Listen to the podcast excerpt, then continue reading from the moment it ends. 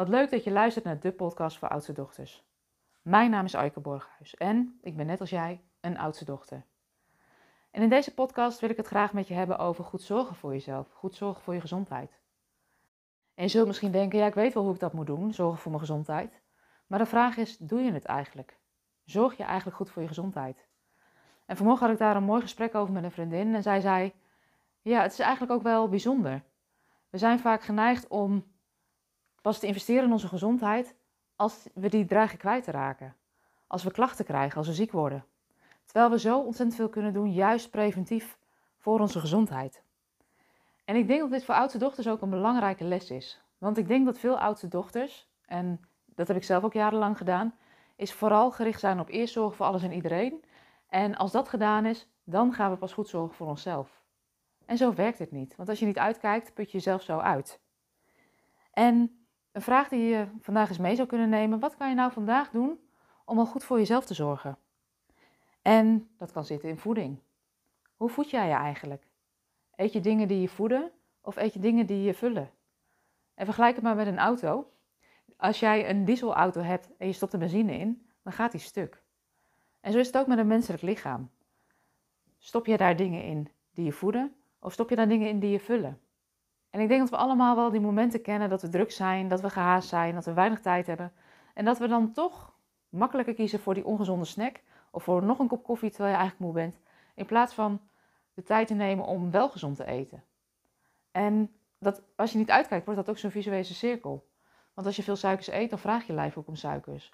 Of als je er de verkeerde dingen in stopt, dan ja, is dat gewoon steeds lastig om dat patroon te doorbreken. Dus stel jezelf maar eens de vraag: voed jij je? Drink je genoeg water? Of ja, drink je toch te veel koffie? Andere dingen die niet zo goed zijn voor jezelf.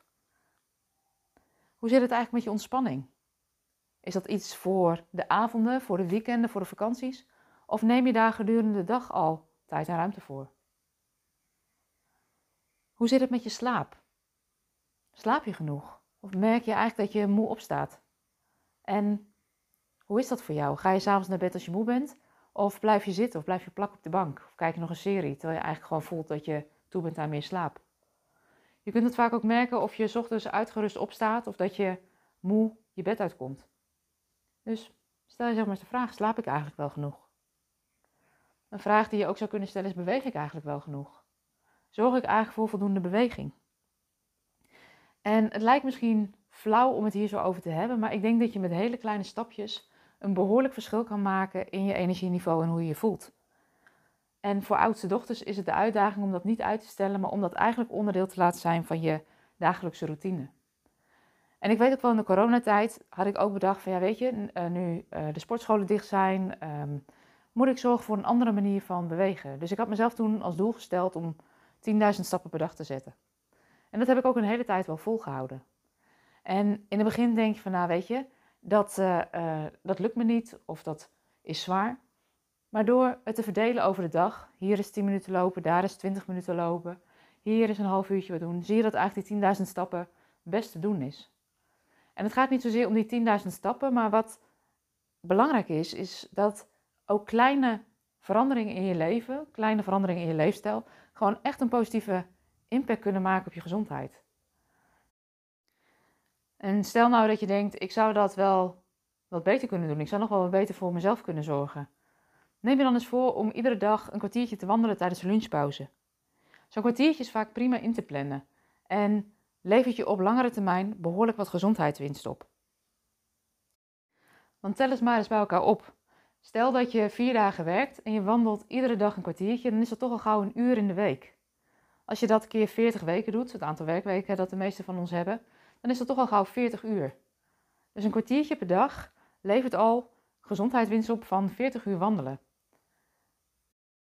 En waar ik mezelf dan wel eens op betrap, dan denk ik, ja, maar daar heb ik geen tijd voor. En ik wil je eens uitnodigen om jezelf de vraag te stellen, ja, en hoe ga ik dat mogelijk maken? En één ding, weet dat je lijf je dankbaar zal zijn voor de kleine gezondheidswijzigingen of leefstijlwijzigingen die je toepast op langere termijn. Ik ben benieuwd wat je vandaag gaat doen. Misschien ga je wandelen, misschien ga je wat eerder naar bed, uh, misschien um, drink je wat meer water. Alles is goed. Het gaat erom dat jij gaat, ja, eigenlijk goed gaat zorgen voor jezelf. Dat is wat ik je gun. We zijn alweer aan het einde gekomen van deze podcast. Ik wens je een hele fijne dag vandaag. Ben benieuwd wat je gaat doen om nog wat beter voor jezelf te zorgen en dat niet langer uit te stellen. En ik hoor je graag een volgende keer. Mocht je deze podcast nou interessant hebben gevonden of meer van dit soort korte podcasts willen horen ter inspiratie of ter bewustwording, abonneer je dan even, want dan krijg je een berichtje als er weer een nieuwe aflevering online staat. Voor nu wens ik je een hele fijne dag.